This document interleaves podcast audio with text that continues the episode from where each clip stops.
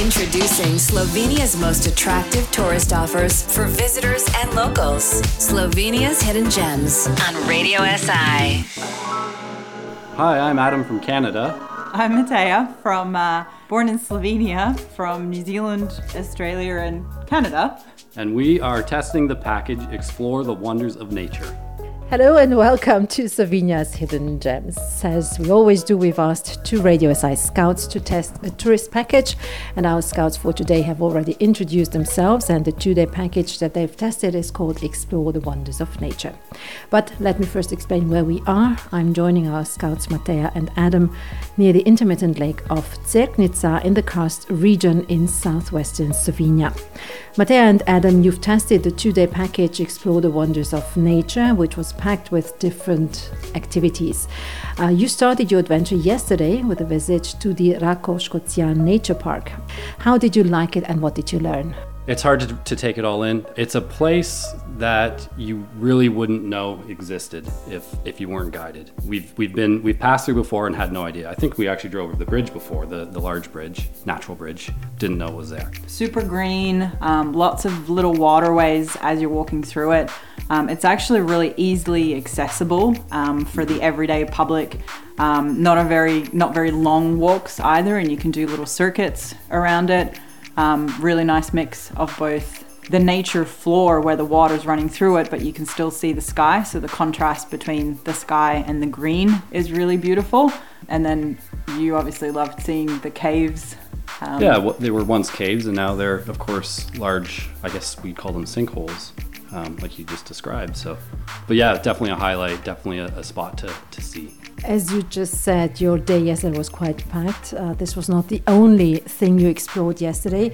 Your next stop was then at Cerknica Lake for a canoe ride on the lake. Adam, how did you enjoy the canoe ride? Well, I shouldn't get into too many details about canoeing, but uh, did learn something there. That's another story.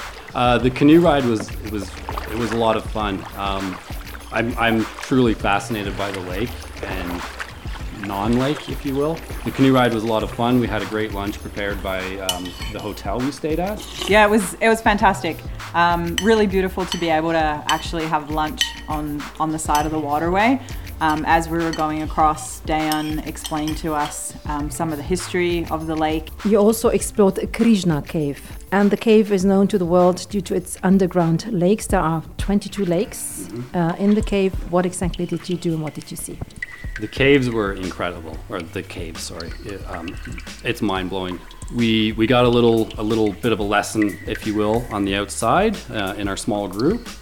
Um, it's pitch black in there, so of course they kind of brief you on on what to do, what not to do.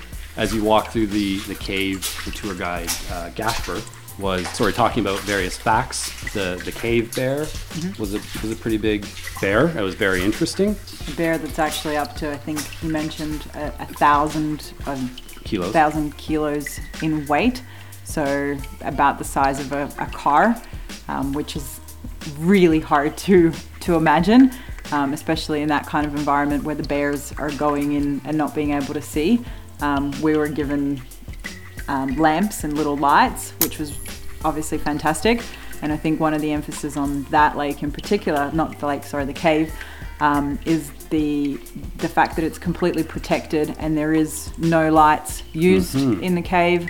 Um, they're they really try and emphasize you know the minimal amount of human contact. So as we were going through, Gasper explained um, about the importance of looking after that natural ecosystem, um, and this is one of the few caves in Slovenia that still remains um, very much like that as we were as we were going through. Yeah, and then once uh, I think we were in about 500 meters, mm-hmm. um, and then they they put us onto like a zodiac type boat, and we uh, he paddled us to the first lake. That's as far as we could make it, just due to the high waters.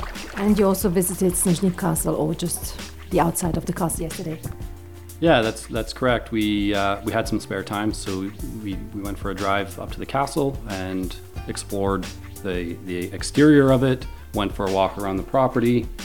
Um, there's some nice trails around the property. You can see the pictures that Mateja and Adam have taken on Radio SI's Facebook page and also on our website www.sloveniashiddengems.si.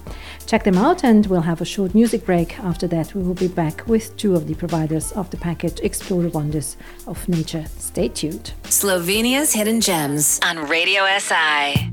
My name is Dejan Iskra. I work for a regional development agency in Green Karst as a destination manager. Your package is described as a unique program where you will acquire knowledge and skills in karstology, ornithology, scouting, and so on. Uh, what exactly does this package comprise, and would you agree that this is a package for the active tourist? Yeah, most definitely. This is the package for the active tourists, for especially for those who are seeking adventures in, in the pristine nature.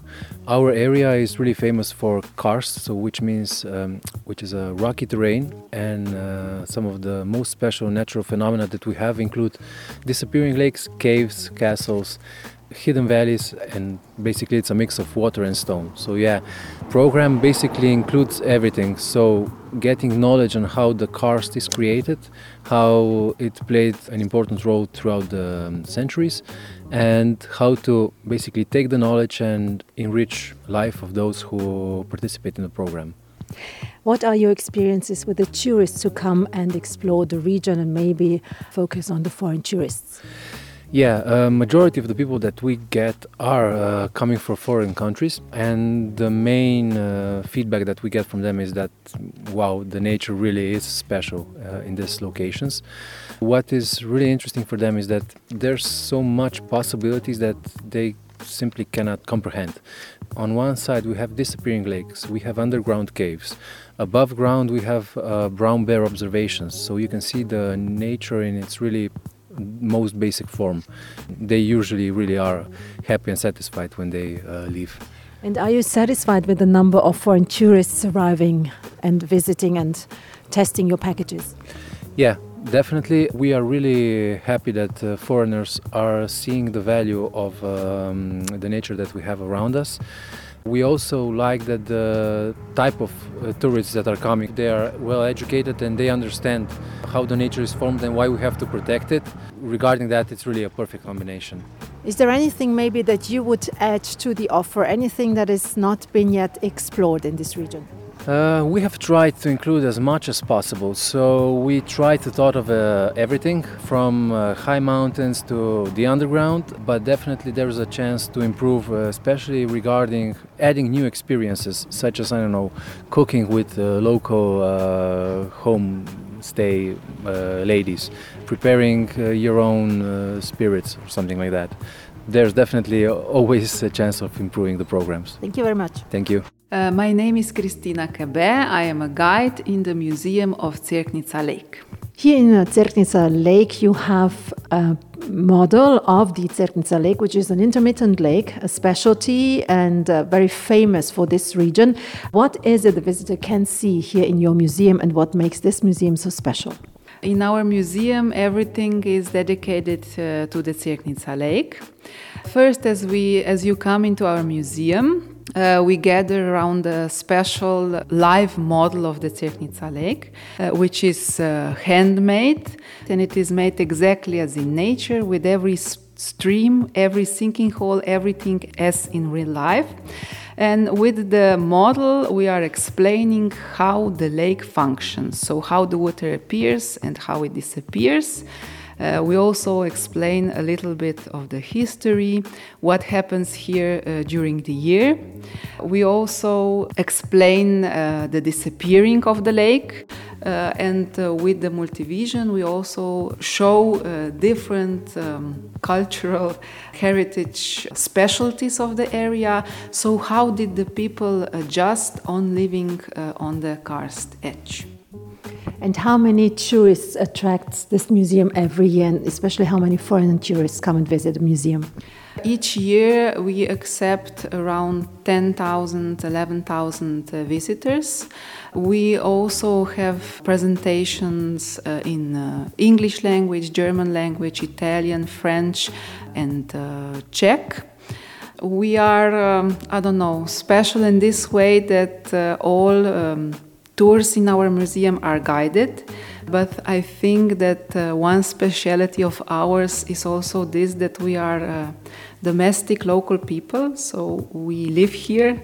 We have lived by the lake and with the lake, and we have we can also um, give to the tourists this view of a local people that are living by the lake. To vote, go to sloveniashiddengems.si. Slovenia's Hidden Gems on Radio SI. And we're back with part three of Slovenia's Hidden Gems with Mateja and Adam here at Cerknica Lake. Today was your second day of the package Explore the Wonders of Nature. I hope you slept well. Uh, so you started today with a visit of the Cerknica Lake and uh, bird watching. We did sleep well, thank you for asking. We yeah, we went to the lake and it's a new trail that they've been building.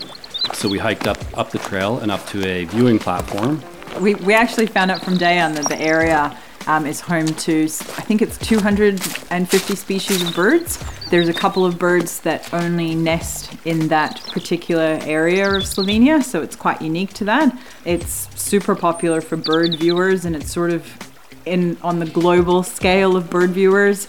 It's nice because of the platforms that they've built high up, being able to look down at the lake. It's got some really beautiful views of the entire lake and the ability to see the valley. And then you also visited the Cerknica Museum. What do you say? Why is this museum special? I thought it was really neat, I guess, to kind of connect the dots of how the lake system works. So they have a great model, scale model that was handcrafted of, of the lake and the surrounding area. Um, it actually does fill up with water, and it's designed in such a way that it fills up as the lake does in real life and then drains in real life. So it's it's really interesting just to see that process um, happen in I don't know five minutes versus mm-hmm. 365 days. Mm-hmm.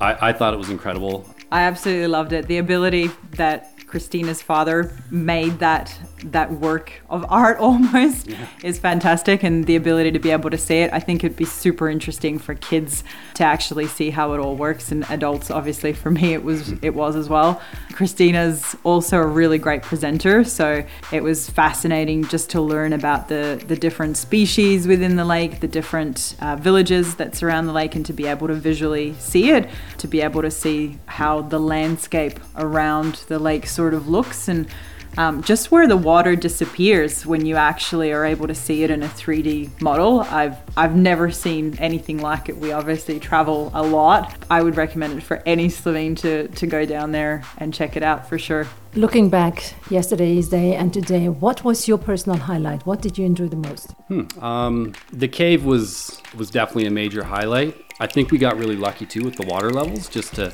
to experience. Uh, we had to kind of walk through the river. It was that high, right? It was safe enough to do so, but a, a lot different experience compared to in the middle of summer when there's less water in there and it's just a different feeling. Of course, it's pitch black. It's it's wonderful. I also really did enjoy the uh, Rakov. Just a fascinating landscape, and again, it's it's one of those places that you just wouldn't know it's there. You'd you'd have to be walking and literally fall into one of the holes to be like, oh, okay, it's here. And I'm I'm an outdoorsy kind of person. I'm not into museums really whatsoever, but the museum I I absolutely loved. I thought it was really really fascinating um, and really neat to be able to see that. Would you say is there room for improvement? Is there anything you would maybe change? I actually, do you know what? I, I actually don't think so. Um, everything was so well put together. Um, I think what's super neat about Dejan and his program and what they put together is they're working with different organizations. So it's actually a much larger network. And often, I think when you do packages or you do tours, um, it's sometimes quite boring because it's limited to one area. Whereas what they've been able to do um, is kind of combine lots of different things. So it makes it makes it diverse and interesting in that way. I really loved it. I really can't think of anything that I would change. Um, it had some adventure, some incredible scenery, um, amazing sights. Lovely um, people. Yeah, lovely people, full of information. It, it's kind of got everything. Thank you for sharing your impressions with our listeners. Thank you. Would you say you come back? Absolutely. Definitely a hidden gem. Loved it. Well, find out more about the trip to the Green Karst on our website www.slovenia's and don't forget to tune in in two weeks' time for another edition of Slovenia's Hidden Gems. Slovenia's Hidden Gems on Radio SI. Possibly overlooked, but impressive places to visit. To vote, go to slovenia'shiddengems.si.